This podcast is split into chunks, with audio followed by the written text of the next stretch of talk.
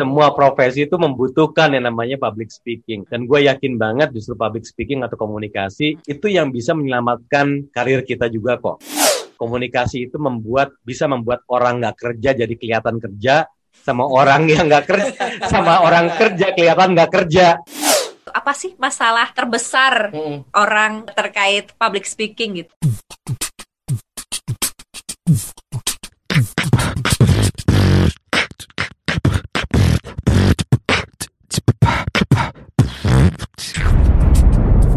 Cuap-cuap cuan. Halo Sobat Cuan. Halo, halo nah, Sobat Cuan. Saya ditemenin lagi Sobat Cuan sama bos saya ya, ada Mas Punce di sini. Halo Alin, apa kabar? Dan juga ada sobat cuan tentunya ya yang setia nih Mas mendengarkan kita. Oke. Okay. Mm -hmm. uh, sobat cuan kita mm -hmm. kali ini kita nyebutnya sobat cuan sobat juga ya cuan ya karena juga ya. karena kita kita asumsiin aja nih orang ini juga mm -hmm. udah pendengar kita nih. Kepedean ya. Nah, jadi uh, sobat cuan kita yang sekarang nih sobat cuan ya.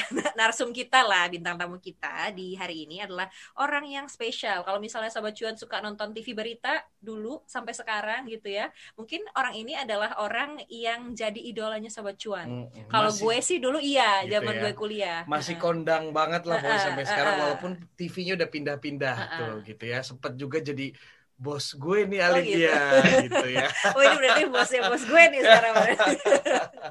gitu. Siapa ini Mas? Oke, okay, jadi dia ini uh, profesi utama news anchor mm -hmm. ya. Mungkin banyak yang kenal juga uh, tadi Alin juga udah bilang kalau nonton uh, berita pasti ngeliat mukanya dia lah mm-hmm. udah udah nggak asing lagi gitu ya terus juga uh, selain news anchor temen gue ini juga mm-hmm. Punya usaha nih. Nggak jauh-jauh sebenarnya. Bidangnya masih tentang public speaking. Mm -mm. yaitu kelas apa namanya sekolah sekolah public speaking. Sekolah public speaking namanya, namanya Speakul. Uh, gitu ya. jadi ini ngajarin orang untuk speak speak. Tapi bukan berbohong ya sobat John ya. Kita langsung aja lah ya menyapa Mas Tommy Cokro. Halo Mas Tommy. Halo halo. Halo Alin. Halo Punce. Apa kabar nih Kabar baik. baik. Apa kabar, Bro? Sehat? Sehat, alhamdulillah. Semoga teman-teman sehat semua ya. Mm -mm. Oke. Okay. Nah, nih uh, Mas Tommy, kita langsung ke spikulnya. Apa kita tanya-tanya dulu tanya -tanya ya dulu tentang deh karirnya ya? kesibukannya ya? sekarang mm -hmm. gimana gitu. Apa yang jadi kesibukan Mas Tommy Cokro nih belakangan ini? Ini kita kayak reuni aja nih ya, Puji ya. Jadi kalau sekarang sih gue di RCTI, eh, tepatnya di MNC Group, siarannya di RCTI. Tapi kalau di MNC-nya gue sebagai Head of uh, News Talent-nya di sini. Sama bagian training-training development-nya untuk teman-teman presenter di sini. Itu sih kesibukan gue. Tapi kalau di luar itu, gue ya kalau moderator MC, kalau nggak buka-buka usaha kecil-kecilan bareng teman-teman. Salah satunya tadi disebut juga Spikul, terus ada satu lagi yaitu uh, service dan cuci tas dan sepatu bareng teman-teman gue juga. Oh iya banyak benar. ya bisnisnya banyak. ya. Itu ya sobat cuan ya. Jadi kerjaan lo apa, karir lo boleh apa gitu ya. Tapi lo juga melihat potensi cuan Betul. di, tempat peluang, lain. Peluang ada peluang cuan di sana ya lo ambil mm -mm. gitu ya. Nah, kenapa kita sebelum ke Spikul gitu ya, inspirasi dari dua bisnis bisa dibilang sampingan lo ini uh, dari mana sih awalnya bro? Kalau Spikul sendiri tuh sebenarnya cuma kayak awalnya tuh hasrat di dalam kepala yang yang nggak keluar keluar aja gitu ya. Tiba-tiba di tahun 2017 akhir tuh gue lagi ketemu uh, sahabat lama gue yaitu Clara Tambu Bolon emang temanya reuni juga pengen ngobrol-ngobrol aja gitu intinya sih. Yeah. Nah dari obrolan santai itu tiba-tiba muncul gitu keinginan kita untuk kerja bareng lagi karena memang kami sebelumnya sempat tuh bisnis bareng tapi akhirnya tidak selesai karena memang cuma berjalan beberapa tahun aja gitu waktu itu bisnis kuliner. Hmm. Nah baru akhirnya tahun 2017 tuh ketemu lagi reuni ngobrol-ngobrol dan akhirnya kami berdua tuh nyambung tuh satu frekuensi ketika bicara soal narasumber yang kita semua pernah hadapi di profesi hmm. sebagai seorang anchor, terus kemudian pejabat publik, terus kemudian teman-teman gitu yang udah lama nggak ngumpul bareng, akhirnya pengen kita ajak,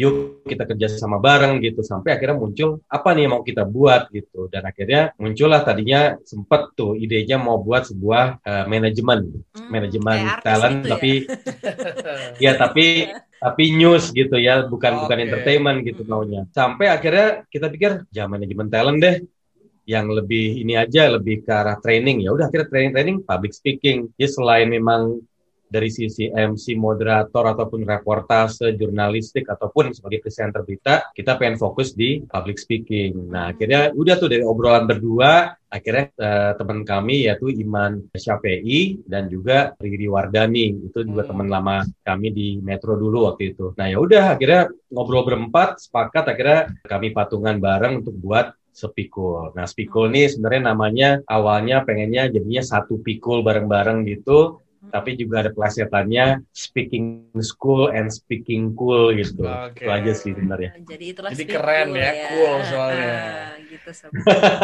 Ini reuni. Pengennya yang, cool. reuni yang membawa cuan ya. Iya gitu karena itu banyak banyak benernya ide-ide bisnis itu justru muncul pada saat event-event kayak gini gitu ya iya, ketemu teman-teman lama lagi, reuni dan kebetulan tadi dari co-foundernya Spikul tiga orang juga temen gue juga tuh kenal gitu. Jadi emang emang muter-muter aja pun ya. emang emang ide bisnis tuh bisa muncul dari mana aja gitu sebenarnya bro ya. Iya. Mm-hmm. Memang itu awalnya juga dari yang enteng banget obrolannya sampai akhirnya ngomongin detail pun belajar semua tuh akhirnya oh begini nih ya harus misalnya mau buat PT itu harus prosesnya apa dulu. Jadi ya belajarnya benar-benar dari nol lagi di situ dan ya alhamdulillah uh, akhirnya kami berjalan dan akhirnya pada tahun 2018 resmi itu kami akhirnya tumpengan tuh berempat sama uh, teman-teman uh, yang kami ajak untuk menjadi coach ataupun bagian dari uh, manajemennya Spikul gitu. Hmm. Okay. Tadi ini kan kalau diceritain kan uh, memang latar belakang foundersnya ini gitu ya adalah orang-orang yang memang uh, bergerak di bidang news gitu hmm. bisa dibilang presenter atau reporter gitu punya pengalaman itu gitu ya Mas. Nah kalau target marketnya Spikul sendiri tuh gimana? Apakah kan kalau misalnya kayak uh, reporter-reporter TV udah ada trainingnya sendiri yeah. gitu kan? Jadi Spikul nih target marketnya ke mana gitu? Nah kan tadi pas lagi ngobrol bareng tuh mm -mm satu hal yang kami temukan itu adalah narasumber tuh. Bagaimana kami di profesi sebagai jurnalis tuh menghadapi berbagai macam narasumber dan akhirnya bisa menentukan mana sih narasumber yang paling enak dijadikan berita gitu ya. Ngomong tuh penuh gitu dagingnya padat gitu ya informasinya. Ada juga ngomongnya ke mana-mana dan ternyata malah ngebuang-ngebuang durasi. Nah ada juga bentuk narasumber kayak gitu. Nah akhirnya hmm. kami punya kesimpulan bahwa selain target marketnya adalah umum, kami juga punya target adalah orang-orang yang memang punya rencana untuk tampil depan publik atau depan media dengan uh, latar belakang profesi macam-macam termasuk politikus gitu. Nah, hmm. akhirnya makanya ya, yang kami ajak bareng di Spikul tuh uh, ada yang masih aktif di media di news, ada juga yang sudah ex alias sudah bukan di news lagi tapi bergerak di uh, konsultan politik, ada juga yang memang mengerti uh, eh, PR gitu, public relation gitu. Jadi gabungan-gabungan ini yang kami usaha uh, kami upayakan untuk bisa mengumpul dan uh, nyumbang modul gitu istilahnya hmm. untuk dispikul, termasuk uh, peran Iman Syafei bagaimana melihat potensi digital industry dan juga marketnya dan penggunanya dalam hal misalnya apa sih yang dibutuhkan oleh orang-orang yang bergerak atau mem memiliki dunia usaha di bidang digital atau startup. Nah, untuk komunikasinya apa nih yang dibutuhkan? Nah, itu yang uh, perspektif yang kami ambil dari Iman Syafei.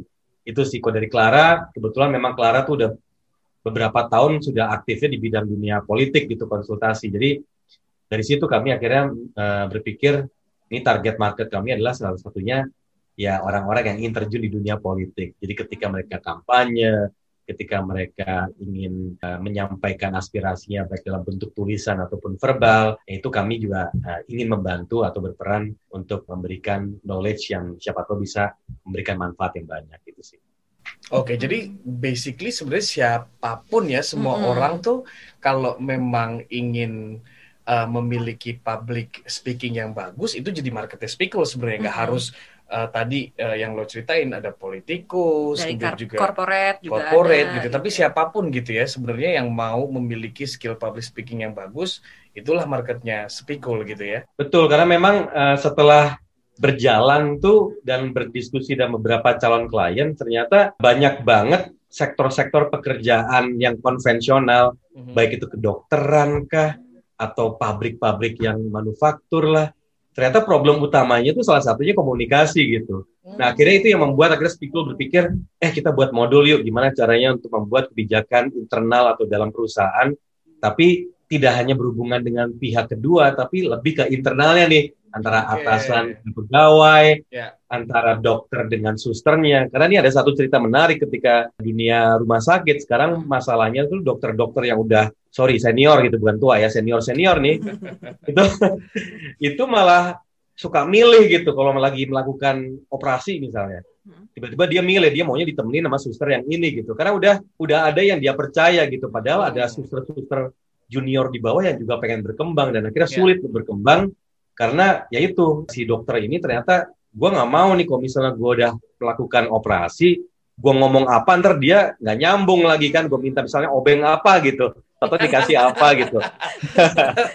Jadi dan ini uh, cerita real gitu ini benar dari obrolan yang ternyata oh ternyata ada ya kayak gitu.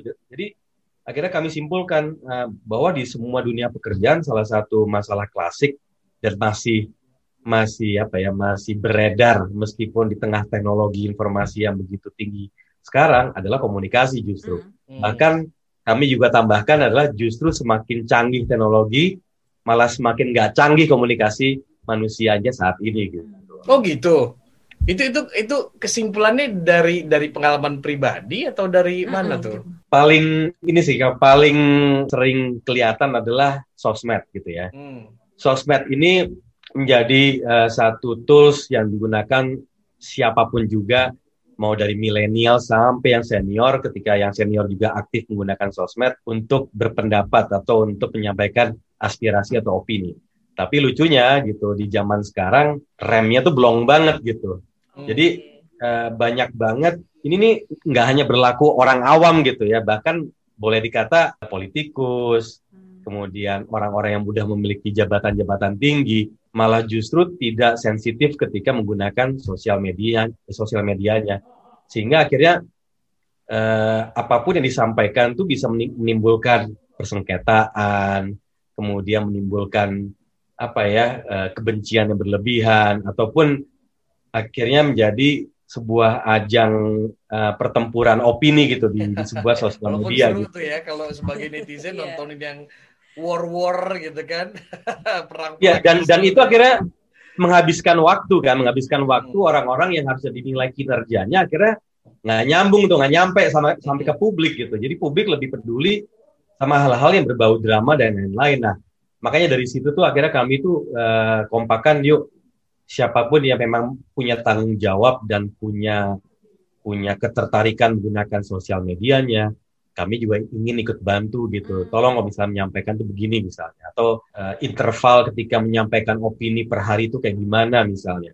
Jadi jangan sampai kita malah melahirkan kebebasan uh, berpendapat atau berbicara, tapi malah justru nggak produktif gitu hasilnya. Hmm. Itu sih intinya tuh kayak gitu. Jadi lebih ke ini ya, juga konsultan komunikasi juga ya, bukan hmm. cuma cara orang public speaking, as in kita ngomong gini kan, cara ngomong, pilihan kalimatnya gimana gitu, tapi juga uh, kayak kayak semi-semi sekolah kepribadian gitu nggak sih? Gue jadi ngebayangin ya, ya nggak sih mas?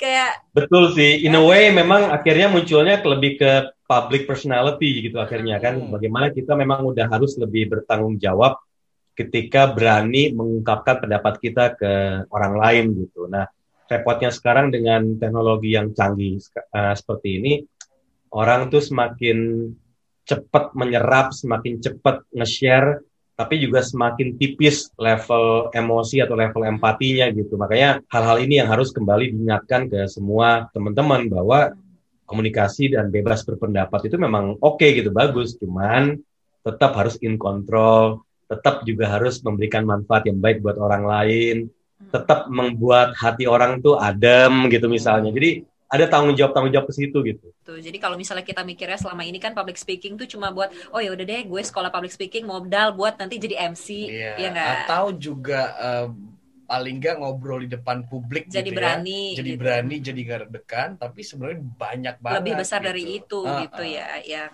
harus diperhatikan gitu. Nah, ini kan ya. tadi ada umum juga yang ikut gitu, terus ternyata politisi juga, korporat juga gitu. Nah, ini kita ngomong tentang, tentang harga. Apa Oh, harga gitu. Karena kalau misalnya karena kalau, yang yang ngasih kelasnya pun juga mm -mm. Uh, news anchor news anchor kondang mm -mm. nih ya gitu loh, news anchor papan atas di Indonesia gitu. Nah, kalau masalah harga gimana? apakah bisa dipublish atau mungkin juga justru right. kalau mau yang tertarik uh-huh. bisa langsung lihat ke website mungkin emang udah dipub dipublish kalau secara publikasi uh, kami aktif banget di Instagram sebenarnya uh-huh. jadi dibanding websitenya justru malah aktifnya di Instagram karena memang uh, yang kami uh, istilahnya maintain dalam hal uh, memberikan feedback dan segala macam ternyata lebih banyak di situ gitu tapi uh-huh. tetap website lagi kami olah lagi, perbarui lagi agar lebih menarik dan juga lebih engage gitu, lebih engaging maksudnya. Tapi kalau nanya harga, nah ini mungkin ada perbedaan nih antara bicara pandemi mm-hmm. dan juga sebelum pandemi atau masa-masa ideal gitu ya. Tapi kalau secara harga untuk reguler itu sebenarnya kalau dicek di Instagram kami pasti posting kok. Harga untuk reguler yang sebelum pandemi atau harga uh, proses pembelajaran reguler tatap muka mm -hmm. itu kami uh, memasang di 1,6 untuk 6 jam. Mm. Oke. Okay. Untuk 6 jam itu atau full day lah itu Atau seperti apa sistemnya? Itu per orang 1,6 juta atau seperti apa?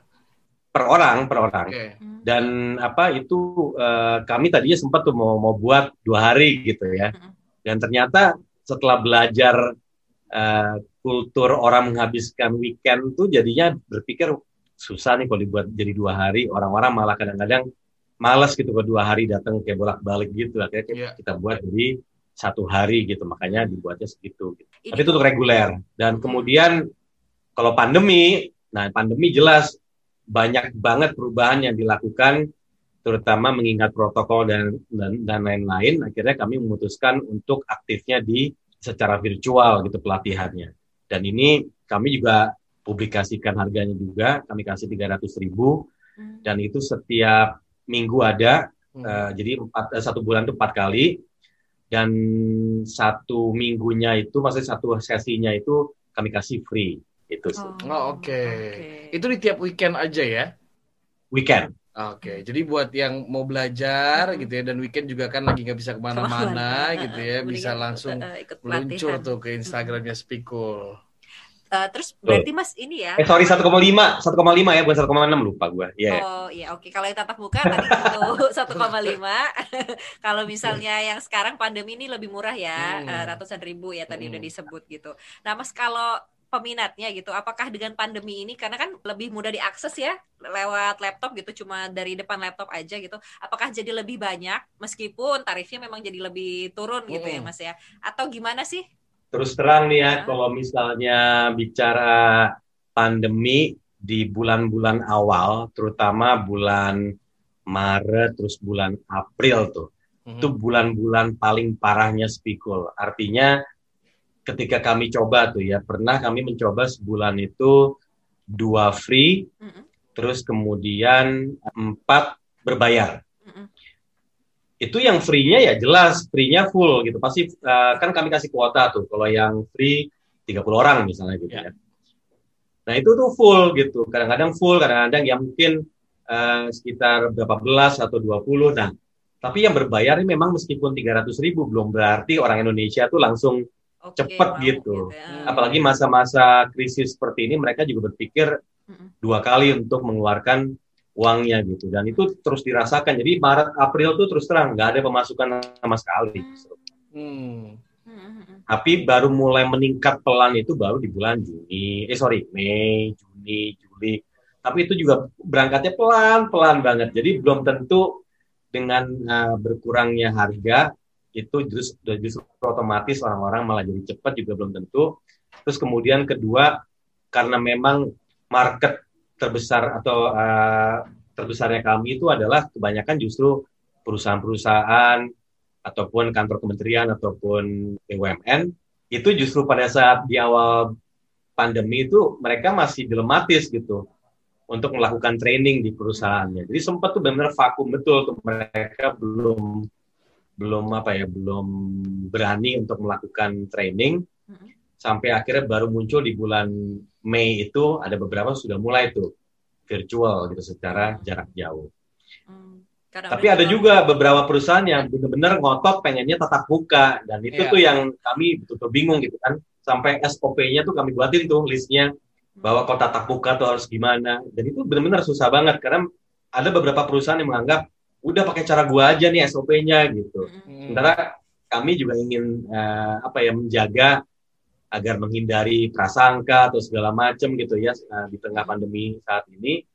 Makanya nggak mudah gitu untuk bisa uh, proses pembelajaran tatap muka buat Spiko saat ini gitu.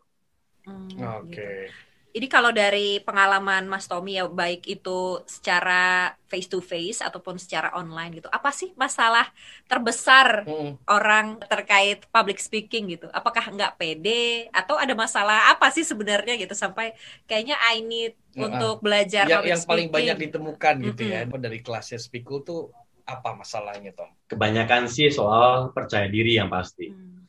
Dan di kelas reguler tuh untungnya kami kan membukanya range umurnya lumayan luas. Artinya selama masih SMA ke atas itu masuknya reguler. Udah SMP dan SD, nah itu lagi kami olah untuk membuat sebuah kelas tersendiri yang sampai saat ini masih dalam proses evaluasi Hmm, modul-modul ya. Iya, udah ditumbuhkan ya, ya jiwa-jiwa itu ya. Jiwa public speaking. Karena udah mulai aja. nanya nih orang-orang tua tuh pada nanya jadinya hmm. uh, anak gua mau ikutan nih gimana caranya Tom? Bentar ya gua buat dulu soalnya cara deliverynya juga beda, bahasa-bahasa yang beda, kebutuhannya juga beda. Jadi hmm. masih kami rumuskan lah uh, apa modulnya.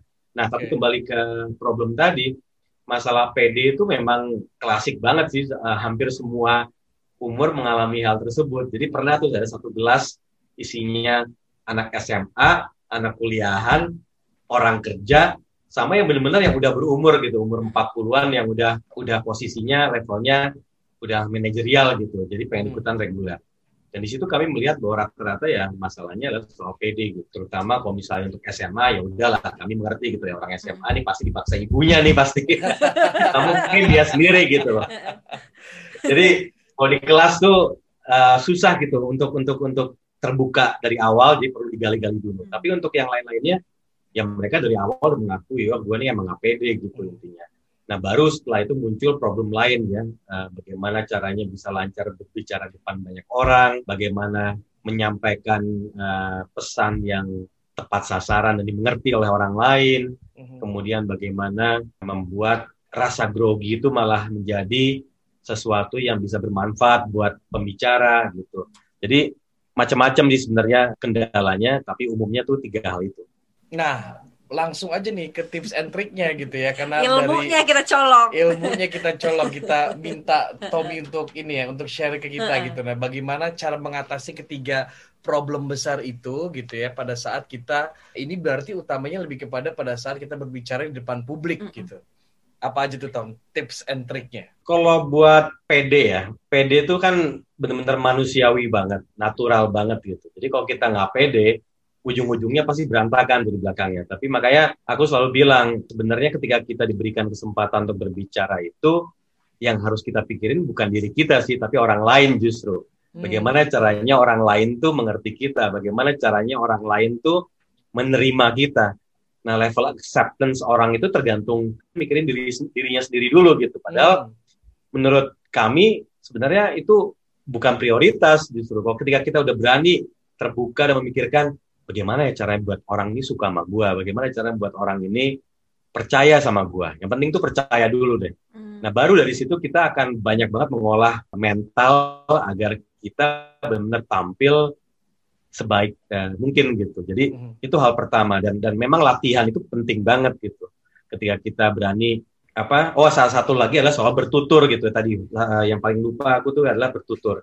Jadi banyak banget yang nggak bisa bertutur uh, bicaranya. Nah kebetulan ilmu itu juga aku dapatnya dari tempat sekolah pekerjaanku pertama sebagai seorang reporter gitu zaman dulu. Mm-hmm. Gue juga mulai dari live orang yang ya. iya live report kan Cuma gue bedanya dulu tuh gue over PD tapi ternyata kemampuannya minim gitu. tapi yang penting udah punya modal PD yang ya, besar ya. Kan ya. buktinya sekarang lihat Tommy Cokro dong. Ya modalnya PD dulu yang penting sebenarnya. Oke. Okay, soalnya dulu tuh Iya, ini kok cerita dikit intermezzo kan. Dulu tuh gue berawal jadi reporter tuh reporter gagal, live report gue jelek banget awal-awal gitu. Kita harus cari yang itu pada kayak ya? Belum ada kayaknya ya. Belum digital. Dan, dan cerita itu selalu gue bawa ke mana-mana ketika hmm. untuk meyakinkan teman-teman yang jadi peserta tuh bahwa lu jangan khawatir gitu, jangan pikir public speaking itu adalah berkah dari lahir gitu, belum tentu gitu. yeah, yeah, yeah. Ada beberapa orang memang punya bakat untuk berbicara, tapi namanya public speaking itu memang sesuatu yang bisa dipelajari dan gue yakin itu gitu. Mm. Makanya pembelajaran gue sebagai seorang reporter itu menjadi bahan buat gue untuk gue ceritakan bahwa gue mungkin dulu over PD, tapi ternyata kemampuan gue minim gitu. Mm Cara gue bertutur, cara apa ya menyampaikan sesuatu yang memang hanya dibatasi sekian menit tapi harus padat berisi itu belum tahu caranya. Jadi hal-hal itu yang paling penting. Nah, makanya tips yang pertama adalah yaitu jangan mikirin diri sendiri, tapi mikirinlah orang lain yang mendengarkan kita. Kalau kita memang fokus mikirin orang lain, insya Allah maka kita akan berusaha keras untuk menunjukkan uh, diri kita semaksimal mungkin. Karena ketika kita berbicara, ya udah yang orang lihat tuh cuma kita gitu. Hmm. Mau ilmunya setinggi apa juga, kalau kita nggak berhasil ceritanya benar gitu, makanya nggak bakal bermanfaat juga dan orang juga akhirnya nggak percaya sama kita. Itu sih. Nah kedua soal tadi tuh soal grogi atau segala macam kami percaya bahwa rasa grogi itu bukan sesuatu yang harus dihilangkan tapi sesuatu sesuatu yang harus dikendalikan gitu. Kalau sampai kita hilang rasa grogi maka kita menjadi manusia yang menganggap enteng semuanya gitu. Akhirnya hmm. preparationnya kurang udah gitu kita nggak peduli sama apa yang dibutuhkan sama pendengar kita juga.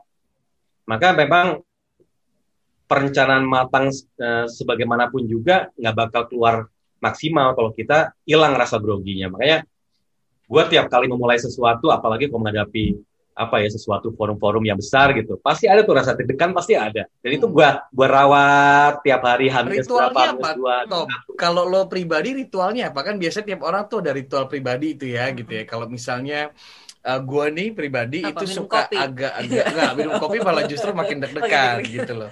Kalau gua tuh lebih ke apa namanya biasanya ke tempat uh, kosong gitu mm -hmm. sendiri gitu ya. Terus agak-agak lompat-lompat kecil nggak oh, tahu kenapa tuh rilis menyalurkan the, energi tuh ya. rilis the stress gitu terus habis itu baru baru bisa naik panggung kalau lo pribadi gimana Tom?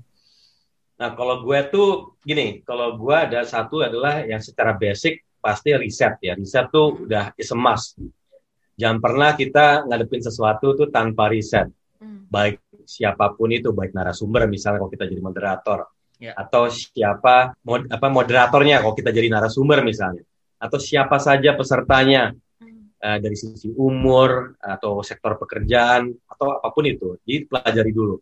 Nah, kedua adalah soal habit tadi kan, kulturnya apa sih kita nyiapin sesuatu. Biasanya itu rasa grogi itu karena kita kan belum paham belum paham suasana ruangannya misalnya. Ya. Sedingin apa AC-nya misalnya.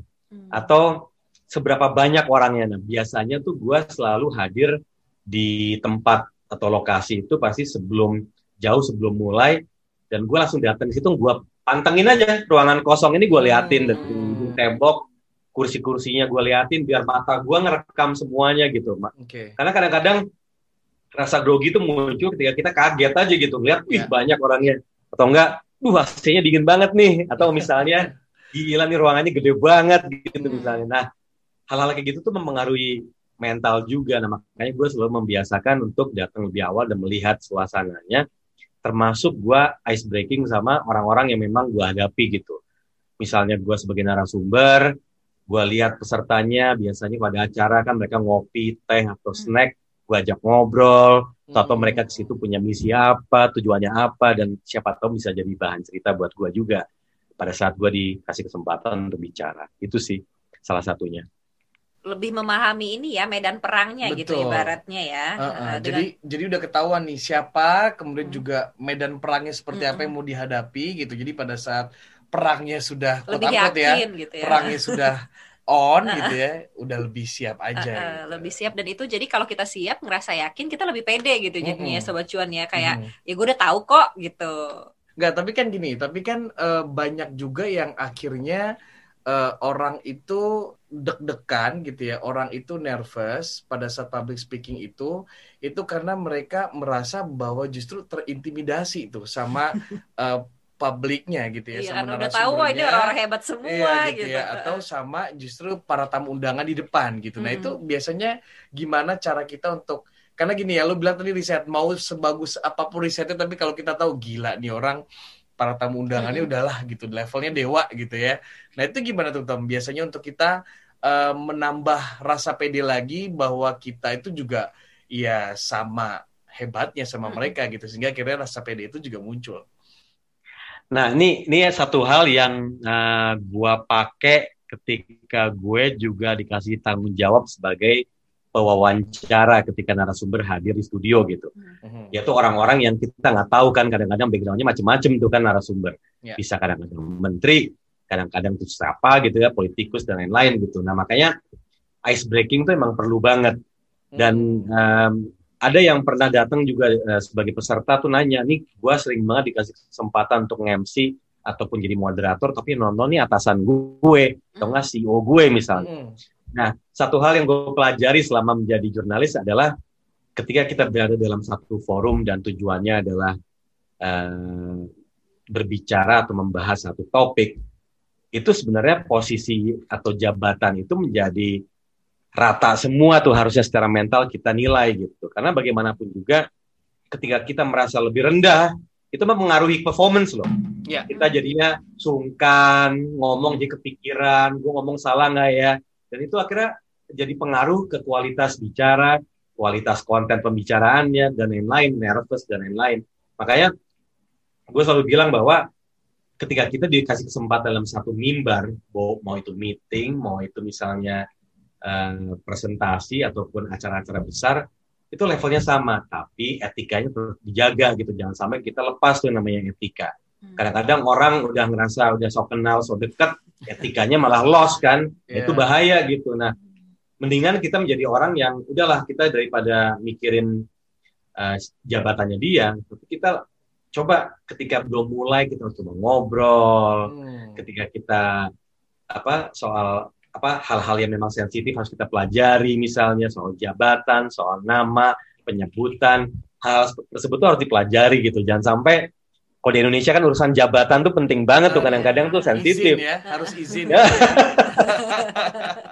Ketika orang dokter dipanggil dokter udah marah iya, kali ya, gitu ya. kan. Jadi hal-hal kayak gitu juga harus diperhatiin. Jadi maksudnya apa ya ketika kita diberi kesempatan untuk menyampaikan sesuatu secara verbal ataupun secara tulisan dan kaitannya dengan relasi ataupun atasan bagi aku sih semua harus diperlakukan sama tapi dengan etika yang baik. Itu aja sih sebenarnya. Okay. Siapa tahu itu justru kalimat ice breaking favorit lo apa? Karena kan balik lagi ya. Uh, uh, beda jabatan, kemudian juga mungkin beda yeah. latar belakang gitu. Nah, biasanya yang paling aman gitu kalau lo mau ice breaking ke narasumber ataupun ke siapa pun yang akan lo mau interview gitu, itu biasanya apa kalimat andalan lo?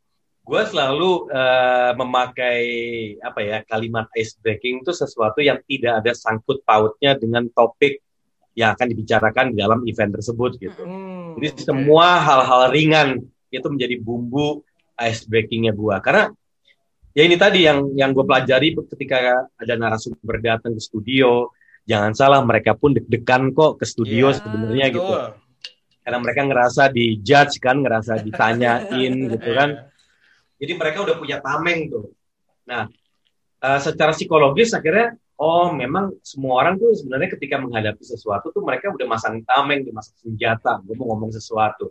Hmm. Entah mereka mau attacking, entah mereka mau defensif, apa pun itu. Tapi intinya ketika kita ice breaking ya udah ngomonglah sesuatu yang ringan, yang benar-benar ringan. Mak udah makan belum hmm. misalnya tadi ke sini naik apa hmm. jadi kayak ngebuat apa ya ngebuat mereka tuh semakin lama dikit demi dikit tuh deket aja sama kita gitu. Karena mereka mereka ini juga orang-orang biasa juga kok sebenarnya gitu. Cuman hmm. karena ada jabatan ada titel kemudian ada tanggung jawab makanya ketika ada satu event yang memang membutuhkan kemampuan mereka untuk untuk apa ya hadir dengan jabatan tersebut ya akhirnya mereka tata betul tuh. Makanya kita harus kayak ngebendung tuh pintu itu untuk misalnya bisa lebih dekat dan juga ya insya Allah akhirnya jadi kayak hubungannya lebih enak gitu pada saat event apa pun juga. Dan aku yakin banyak banget yang wartawan-wartawan juga modalnya kayak kayak gitu ya Iya. sama-sama gitu. Ya mendekatinya kan nggak nggak mungkin langsung pak langsung ke topik gitu kan. Iya. pasti kan sesuatu kan ada kayak prosesnya dulu stepnya eh, stepnya dulu gitu Kecuali doorstop ya, doorstop buru-buru langsung soalnya. ya kalau doorstop enggak lah Lain cerita Rebutan tuh, itu ya. Langsung gitu ya. Tanya pesanan tanyain. langsung kalau nggak nggak dapet ya Iya. Nah ini eh, Mas Tommy kan kalau Ya. kita lihat kayaknya ya eh, kalau kita bisa jadi public speaking eh, speaker yang baik gitu bisa ngomong di depan orang everything's gonna be easy kayak Mm-mm. kayaknya gitu kan. Nah kalau potensi karir gitu atau kalau kita lihat tadi kan Mas Tommy ternyata banyak ya apa namanya side jobnya kerjaannya gitu potensi potensi karir kalau misalnya kita tuh jago public speaking tuh apa aja sih Mas buat sobat cuan mungkin sobat cuan masih bingung gitu ya kayak eh kalau gue jago ngomong Mm-mm. gue bisa jadi bisa di- apa selain bisa jadi MC gitu ke mana nih gitu selain mungkin MC dan juga moderator. Mm-mm. Nah, gua sih bener-bener eh, ingin banget menyampaikan bahwa jangan menganggap public speaking itu hanya soal MC atau moderator Oke. atau presentasi doang gitu. Mhm. Karena bagi gua kalau pertanyaan tadi misalnya profesi apa aja, jawabannya apa aja profesinya gitu. Jadi Hmm. semua profesi itu membutuhkan yang namanya public speaking. Dan gue yakin banget justru public speaking atau komunikasi Mm-mm. itu yang bisa menyelamatkan karir kita juga kok. Eh, dan hebatnya lagi nih, komunikasi itu membuat bisa membuat orang nggak kerja jadi kelihatan kerja, sama orang yang nggak kerja, sama orang kerja kelihatan nggak kerja. Oke. Sesakti itu komunikasi. Sekarang coba bayangin deh dengan dengan teknologi canggih sekarang. Orang mau kerjain apa aja, tahu-tahu dengan komunikasi yang begitu hebatnya bisa dianggap nggak kerja gitu, ya kan? Iya. Tapi orang yang nggak punya kerjaan apa pun, tapi komunikasinya jago, tiba-tiba orang bisa ngeliat dia sebagai seseorang yang hebat. Nah itulah hebatnya komunikasi gitu, bisa menyulap sebuah keadaan. Tapi gua pribadi menganggap bahwa jangan sampai kita menyulap sesuatu yang tidak kerja malah jadi kerja. Tapi justru kebalikannya, sesuatu yang kerja tetap kelihatan kerja gitu. Maksudnya kita harus betul-betul paham bahwa di profesi apa pun komunikasi itu menjadi salah satu prioritas yang perlu kita uh, dalami dan insya Allah akan membantu banyak ke karir kita juga kok. Hmm. Dan gua bukan ngomong ini untuk orang-orang jadi penjilat ya nggak juga ya. Tapi intinya adalah serajin apa pun kita gitu. Tapi kita punya masalah komunikasi itu pasti akan menghambat. Tapi kalau misalnya kita punya komunikasi yang baik, insya Allah atasan kita juga melihat kita juga tahu gitu uh, apa yang kita kerjakan dan juga dia pun tahu apa yang kita kerjakan gitu. Itu sih sebenarnya yang penting. Jadi kalau ditanya profesi apa pun, apa aja pasti jawabannya apa pun itu profesinya butuh yang namanya public speaking atau komunikasi dan akan insya Allah akan membantu karir kita semua. Jadi luas sebenarnya Mm-mm. public speaking itu ya. Enggak Karena memang ini adalah life skill ya, bisa Hmm. dibilang kayak masak gitu semua orang untuk bertahan hidup gitu ya harus bisa masak Uh-uh. gitu. atau juga hal Belum lagi pandemi. Pandemi kalau kalau jarak jauh kayak gini misalnya kan kayak kita zoom itu udah sering banget tuh semua perusahaan. Mm-mm. Akhirnya sekarang kami juga eh, merumuskan nih apa sih tips-tipsnya kalau misalnya meeting zoom gitu, cara ngomongnya gimana gitu, atau Hmm. misalnya kayak aku aja gitu sebagai trainer gitu. Beda banget ketika tatap muka sama ketika kayak Ya. gini nih. Mm-mm. itu betul-betul beda banget sih dan dan apa ya kedekatan antara pembicara dengan lawan bicara eh, lebih tertantang kalau jarak jauh makanya kayak kayak gini nih aku kan eh, benar-benar ngeliatnya ke kamera nih padahal Iya. kalau misalnya ngeliat muka kalian ma- mataku nggak ke kamera gitu Iya, kan iya, iya. jadi ini sa- satu hal yang yang benar-benar aku harus kayak ayo misalnya kalau zoom ingat ya lihat kamera ya jangan lihat ke muka orangnya gitu Oh, kalau lihat gitu muka ya. orangnya pasti nggak engaging gitu itu sih nggak sopan juga ya kalau misalnya kita tatap muka terus kita nggak tatap mata orangnya sebenarnya kan. Iya. Tapi karena virtual ini Nah, jadi, jadi kita ngeliatnya layar sih. Iya. Karena di layar itulah mukanya si narsum kita Betul, dan bicara kita, gitu. uh, ya. uh, kita Tapi nganggap kayak oh kita lihat mukanya Tommy sekarang padahal yang Tommy lihat kita Kita nggak lihat matanya dia dia. gitu ya. Itu komunikasi juga sebenarnya Tom ya. Yang harus Betul, di- Pak. yang harus kita ketahui pada saat masa pandemi seperti ini. Iya, dan makanya gue juga belajar juga akhirnya. Oh, jadi pas pertama kali gue ngasih pelatihan lewat virtual tuh kan gue evaluasi gue lihat Hmm. wah mata gue jarang banget nih ngeliat ke kamera gue ngeliatnya ke muka-muka orang-orangnya kan Mhm. wah tetep deh gue akhirnya berusaha untuk ngeliatnya ke satu satu arah gitu Oke. Eh, Terakhir kali ya.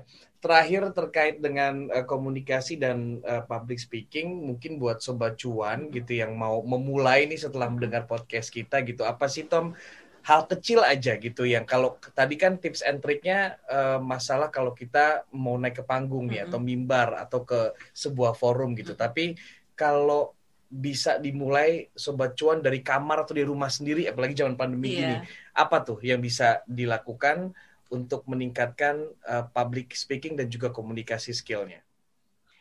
Em, ada satu latihan yang simple banget eh, yang aku pelajari ketika dulu eh, belajar cara bertutur karena masalah bertutur ini ternyata masalah banyak orang.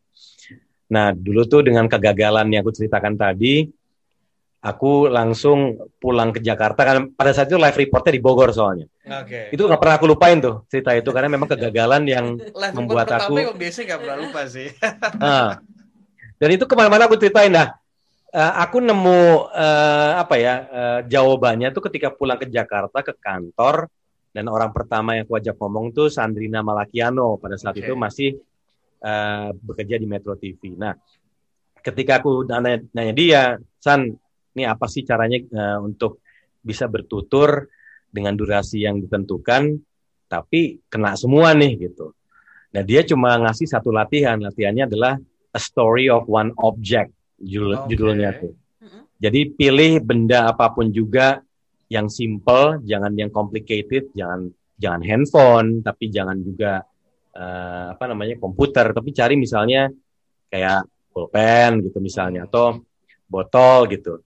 Tapi selama kita berbicara itu syaratnya harus dengan bahasa Indonesia yang baik dan benar. Kemudian sama sekali nggak boleh menyebutkan nama bendanya dan nggak boleh nyebutin fungsi dari benda ini. Oh, Jadi full hanya bicara soal fisiknya gitu. Hmm. Nah, Dalam eh, kurun waktu lima menit ceritakan itu dengan bahasa Indonesia yang baik dan benar. Apa pun yang dilihat oleh mata langsung ceritakan pada saat itu juga. Ya udah, itu tiap hari gue latihan itu terus dari botol aqua kalah eh nggak boleh nyebut merek ya botol air mineral botol apalah bolpen apa dicari-cari nah dari latihan itu akhirnya terbiasa untuk uh, bicara uh, terstruktur gitu intinya karena kadang-kadang kan ya, kalau misal dikasih liputan terus harus live report tuh baru nyampe berapa menit atau disuruh live nah itu paling pusing tuh kayak gitu Dulu tuh dulu dulu he, ini dulu ngomongnya gini Tom, headline terdekat ya. Masih kok, inget ya? masih Oh, kok masih ya? sekarang. Masih zaman Alin masih ya? Masih. Masih ya.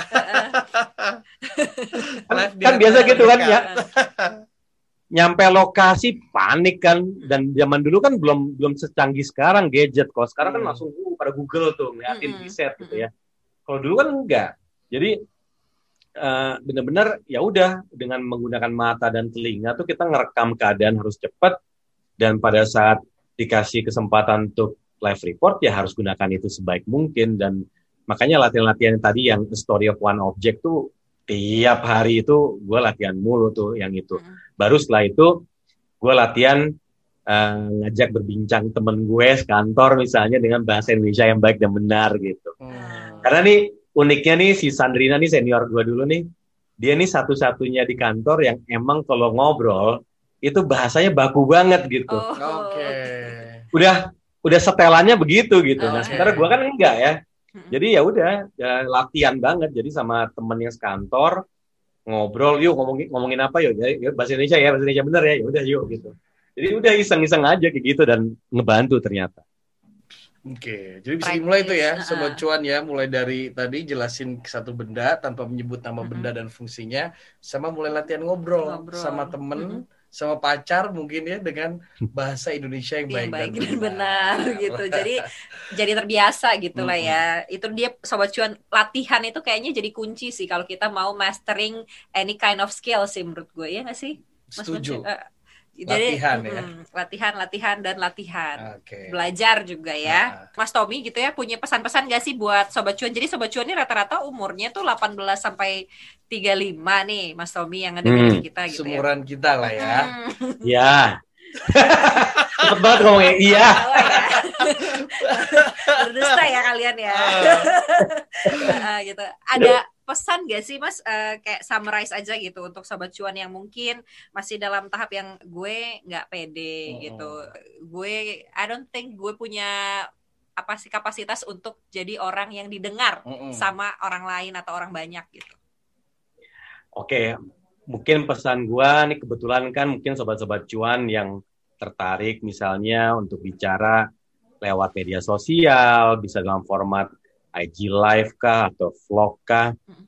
Pokoknya tetap pikirkan siapa yang menjadi pendengar kita gitu. Jangan sampai kita berani dengan teknologi secanggih ini, tapi nggak berpikir untuk melahirkan konten-konten yang bermanfaat buat orang banyak lah intinya. Jadi mungkin di akhir perbincangan ini gua bener-bener pengen ngajak semuanya fokus untuk ngasih sesuatu yang bisa bikin orang tuh bisa eh, lebih adem, lebih eh, knowledgeable, Mhm. pokoknya sesuatu yang bermanfaat lah buat orang lain. Ya, itu yang penting sih, karena gue yakin eh, milenial sekarang senang banget tuh dengan adanya teknologi yang canggih ini dengan mengekspresikan opini mereka dan itu bagus kok menurut gue. Cuman ya tetap eh, in control eh, dan misalnya butuh tips, yuk langsung lihat tuh IG-nya @spikul.indonesia.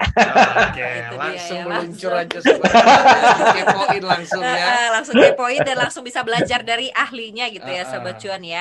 Mas Tommy terima kasih banyak atas waktunya ngobrol-ngobrolnya ya Sobat Cuan. Semoga tadi ilmu-ilmunya diresapi dan langsung tuh ke IG-nya. dan bisa menginspirasi gitu ya karena tadi balik lagi semua profesi itu butuh. butuh komunikasi yang Betul. baik gitu. Nah, kalau misalnya butuh dipoles-poles bisa langsung Betul. meluncur ke IG-nya Spikul. Terima kasih Yep. Bro Tommy Cokro atas waktunya sudah berbincang dengan cuap-cuap Mm-mm. cuan.